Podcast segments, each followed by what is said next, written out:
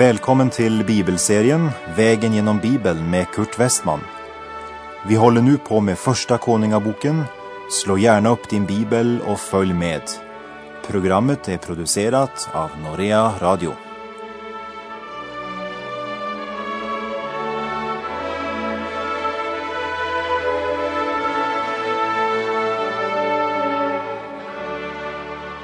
Vi avslutade förra programmet med att Jerobeam satte upp kalvar av guld både i Betel och i Dan för att förleda Israels folk till avgudstyrkan. Och han gjorde sin gudstjänst lik gudstjänsten i Juda.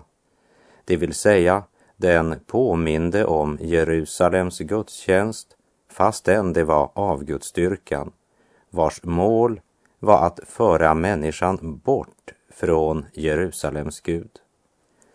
Och Jerobeam lyckades faktiskt lura de flesta av Israels barn. Men Gud lurar man inte. Som vi ska se när vi ska vandra genom kapitel 13 i Första Kungabok. Jerobeam, som av Gud fått de tio stammarna i nord, fick därmed en rik och stor möjlighet att verkligen tjäna Gud.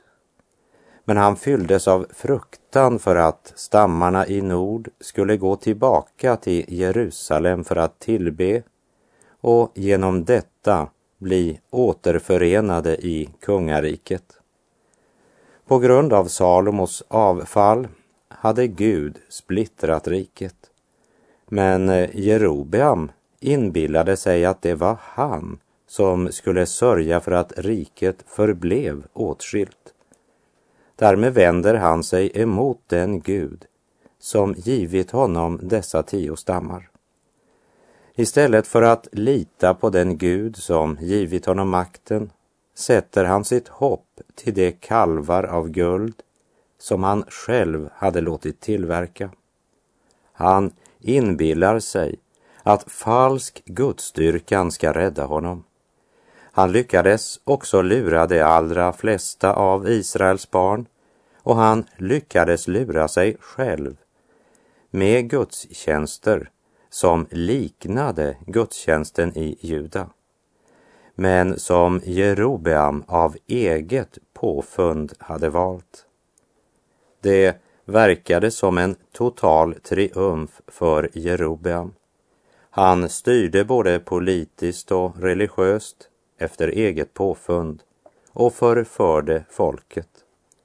Vi läser i Första Kungabok kapitel 13, verserna 1 och 2. Men då kom på Herrens befallning en gudsman från Juda till Betel just när Jerobeam stod vid altaret för att tända offereld.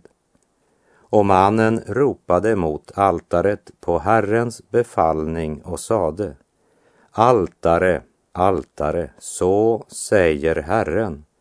Se, åt Davids hus skall födas en son vid namn Josia. Han skall på dig slakta offerhöjdsprästerna som antänder offereld på dig och människoben skall man då bränna upp på dig. Låt oss bli stilla för ett ögonblick. Det är intressant att lägga märke till när Josia trädde fram. Det skedde nästan 300 år senare. Men Guds profet proklamerar honom redan nu. Josia var en god kung och han regerade i 31 år. Josia var den ledande i en av de fem väckelser som förekom under kungaperioden i Israel. Vi ska se närmare på dessa väckelser i krönikeböckerna eftersom dessa väckelser inte omnämns i kungaböckerna utan endast i krönikeböckerna.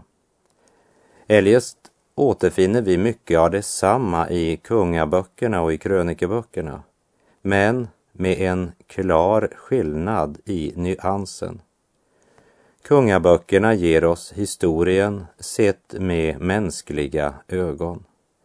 Krönikerböckerna återger saken sett från Guds sida. Människan är intresserad i tal och statistik. Men det är omöjligt för människan att avgöra vem som verkligen är omvänd. Men Gud känner varje människohjärta och vet om det har skett något av verkligt andligt värde. Guds profet profeterade mot altaret Jerobeam låtit bygga och han säger att Gud ska uppresa en man som ska bryta ner och ödelägga sådana altaren. Han ska komma från Davids hus och han ska heta Josia.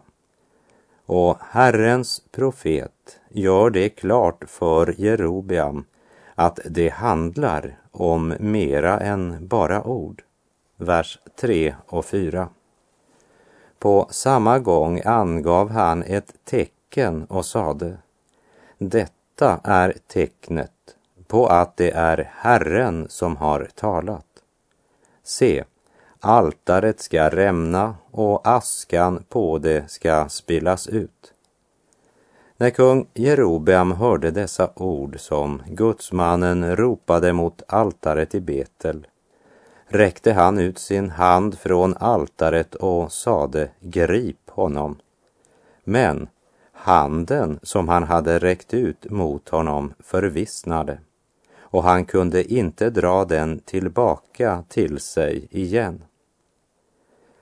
Jerobeam befinner sig vid altaret när Guds profet förkunnar sanningens budskap. Jerobeam bär fram ett offer till en kalv av guld och han tänker inte finna sig i detta. Så när Guds profet har talat färdigt räcker Jerobeam ut sin hand mot profeten och ger order om att gripa honom. Sådana pastorer måste stoppas. Han bara oroar folk just när vi verkligen har fått fart på våra aktiviteter. Man eh, kan förföra människor och man kan jäcka Gud en tid. Och man kan verka så mäktig och suverän. Det kan se ut som om man har rätt. Helt tills Gud bestämmer sig för att nu griper han in. Handen med vilken Jerobeam pekar på profeten, den vissnar. Och här passar det med det kinesiska ordspråket som säger när Gud bestämt sig för att göra handen lam och människan bestämt sig för att lyfta den, då blir det som Gud bestämt. Ja, det ska vara säkert.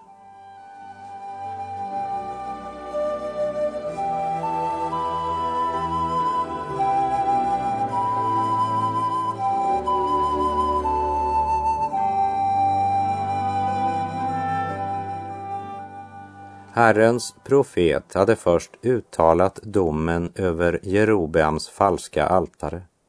Och så säger han att hans ord ska stadfästas med ett yttre tecken.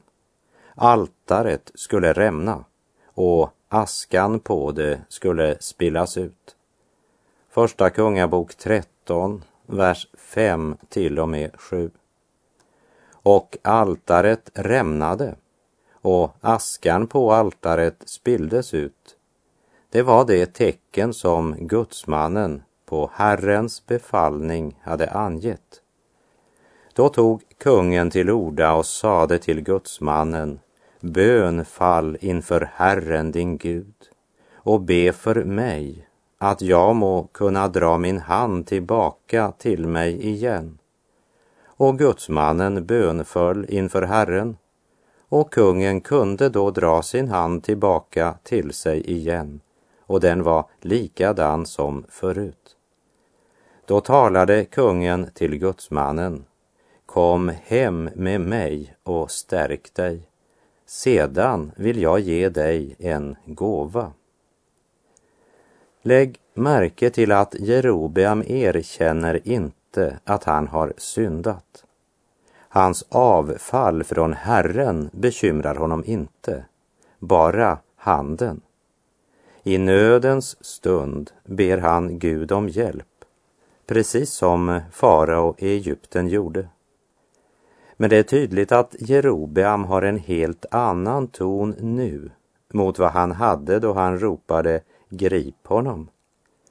Nu ber han Guds profet om att bönfalla Gud att hans hand blir helad. Och Herrens profet ber för den ogudaktiga konungen. Och handen blir helad. Men eh, hans hjärta var inte mottagligt för Herrens förvandlande kraft. För det är guld och makt som upptar Jerobeams hjärta. Och han söker hjälp i guld och falsk gudstyrkan. Han är så förblindad att han inte vet att man kan köpa medicin men inte hälsa. Man kan köpa falska präster men inte Herrens profet. Kom med mig hem, säger kungen, så ska jag ge dig en gåva. Vi läser verserna 8 till och med 10. Men gudsmannen svarade kungen, om du än vill ge mig hälften av vad som finns i ditt hus, så kommer jag dock inte med dig. Här på orten vill jag varken äta eller dricka, ty så har Herren genom sitt ord befallt mig och sagt, du skall varken äta eller dricka och inte heller vända tillbaka samma väg du har gått hit. Därefter gick han bort en annan väg och vände inte tillbaka samma väg han hade kommit till Betel. Herrens tjänare vill eh, inte ingå kompromiss med ondskan och avguderiet, vilken vinning han än blir erbjuden. Här ligger en viktig andlig lärdom för oss idag. Profeten ville inte kompromissa, vilket är mycket vanligt i kristna sammanhang i våra dagar, även i så kallade fundamentalistiska församlingar. Guds budskap är kompromisslöst och Kristus är kompromisslös. I Matteus 16.24 säger Jesus om någon vill följa mig ska han förneka sig själv och ta sitt kors på sig och följa mig. Det är helt enkelt revolutionerande om vi verkligen lägger märke till vad Jesus säger i Matteus 16.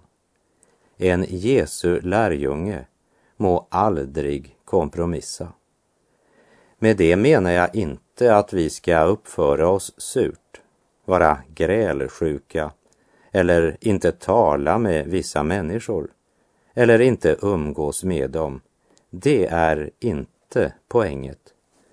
Men vi måste ge ett klart svar på var vi står teologiskt och påminna om att Nya testamentet faktiskt utgör mindre än en tredjedel av Bibeln och att det är nödvändigt med en hel bibel om man vill lära känna Gud. Det är också något av tanken bakom detta program, där vi steg för steg vandrar kapitel för kapitel genom växelvis Gamla och Nya testamentet hela Bibeln till hela världen. Det är därför vi i Norea Radio sänder bibelundervisning på mer än 25 språk runt om i världen. Tack för din förbön och ditt stöd som gör det möjligt att ge Guds ord till bland annat den muslimska världen. Hela Bibeln till hela världen.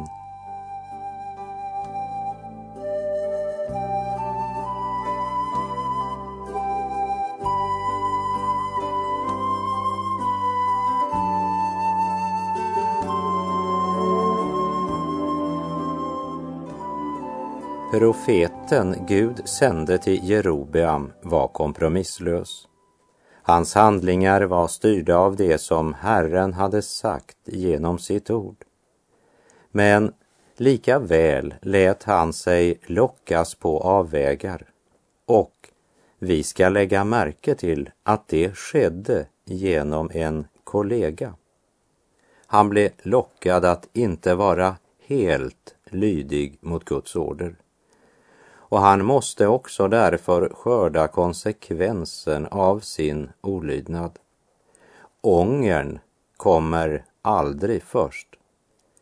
Även om han alltså var på vakt mot en avgudstillbedjande kung så lät han sig bedras av en profet som hävdade att han genom en ängel hade fått en annan besked än den profeten fått genom ordet Gud hade talat till honom.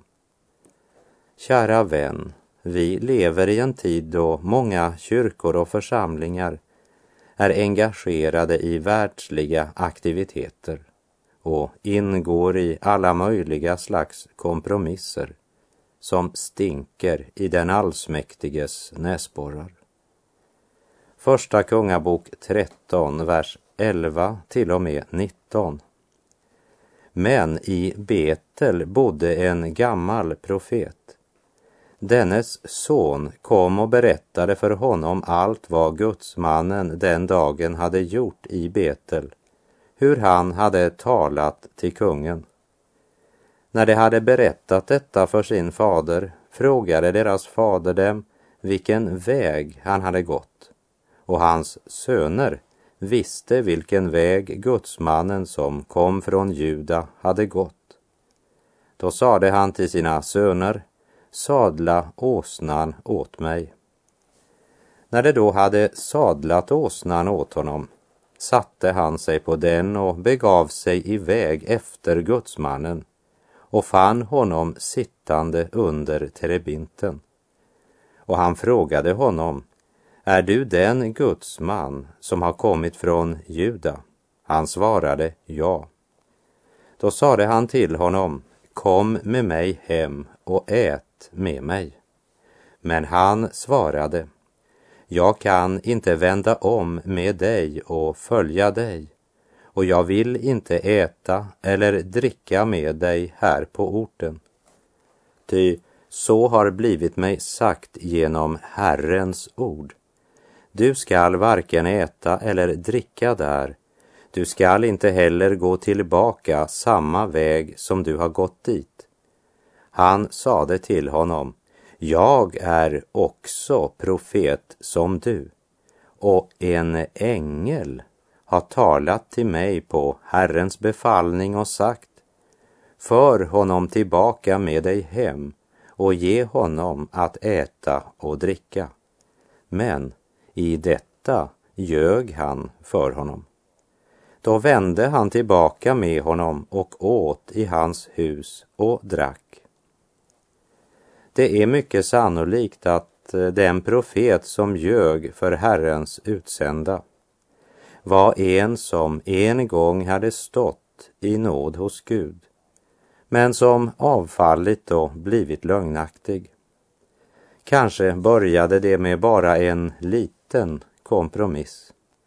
Och nu var hans budskap en blandning av sanning och lögn. För eh, att han också kunde tala sanning ibland, det ser vi av vers 32 där han säger om profeten han lyckats förleda till att svika sin Gud. Ty förvisso skall det ord gå i uppfyllelse som han på Herrens befallning ropade mot altaret i Betel och mot alla offerhöjdshus i Samariens städer. Vi lever i en tid som på många sätt påminner om Jerobeams och vi må vara på vår vakt, inte bara mot avgudar men också mot uppenbarelser som strider mot Guds klara ord och mot profetröster som blandar sanning och lögn. Vi bör endast lita på Guds ord. Lita inte på mig. Gör som folket i Berea, som det berättas om i Apostlagärningarna 17, där det står att det tog emot ordet med all villighet och forskade dagligen i skrifterna för att se om det kunde förhålla sig så. Det finns bara ett säkert medel mot villfarelse och falsk andlighet. Vare sig den kommer i form av ortodoxi och ritual eller i form av suggestion och svärmeri. Och det är att granska skriften. Varje kristen måste ha ett personligt förhållande till Bibeln. Den som inte har disciplin när det gäller ordet är inte evangelisk men laglös. Endast ordet kan avslöja uppenbarelser som strider mot ordet.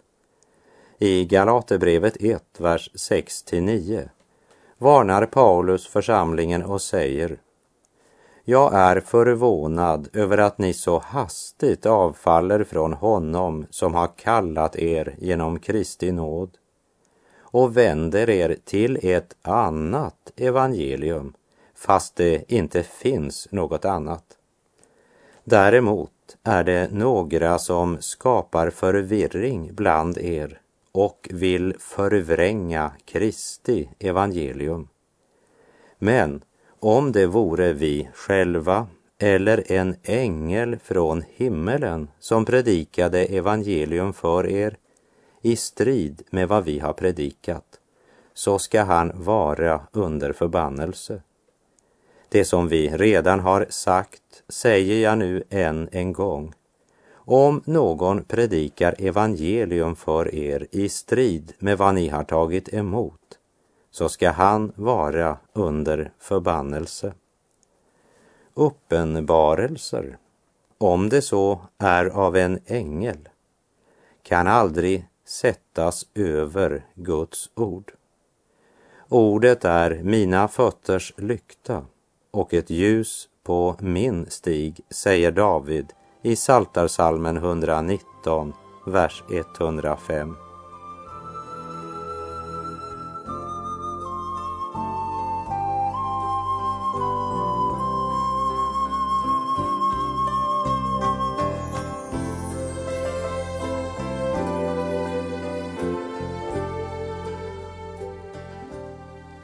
Jerobeam fick sin arm helad av Gud. Han hade tro på Gud. Men hans hjärta förblev oförändrat eftersom han inte hade den tro som är av Gud. Under leder inte alltid till omvändelse, men omvändelsen är alltid ett under. För Jerobeams del nådde Gud aldrig längre än till armen. Men som det står i Jesaja 55, vers 10 och 11. Ty liksom regnet och snön faller från himmelen och inte vänder tillbaka dit igen förrän det har vattnat jorden och gjort den fruktsam och bärande så att den ger säd till att så och bröd till att äta så skall det också vara med ordet som utgår ur min mun. Det skall inte vända tillbaka till mig fåfängt, utan att ha verkat vad jag vill och utfört det som jag har sänt ut det till. Guds ord är som solens strålar. Det sker alltid något när solen lyser. Smöret smälter, men leran blir hård. Det skedde också med Jerobeam. Han blev förhärdad. Och även för honom kom ögonblicket då han måste skörda det han hade sått och hans namn blev utplånat från jorden. Vi läser första Kungabok 13, vers 33 och 34. Dock vände Jerobeam efter detta inte om från sin onda väg, utan gjorde åter allehanda män ur folket till offerhöjdspräster. Vem som hade lust till det fick av honom ta emot handfyllning för att vara offerhöjdspräst. På detta sätt blev han för Jerobeams hus en orsak till synd och en orsak till att det blev utplånat och utrotat från jorden.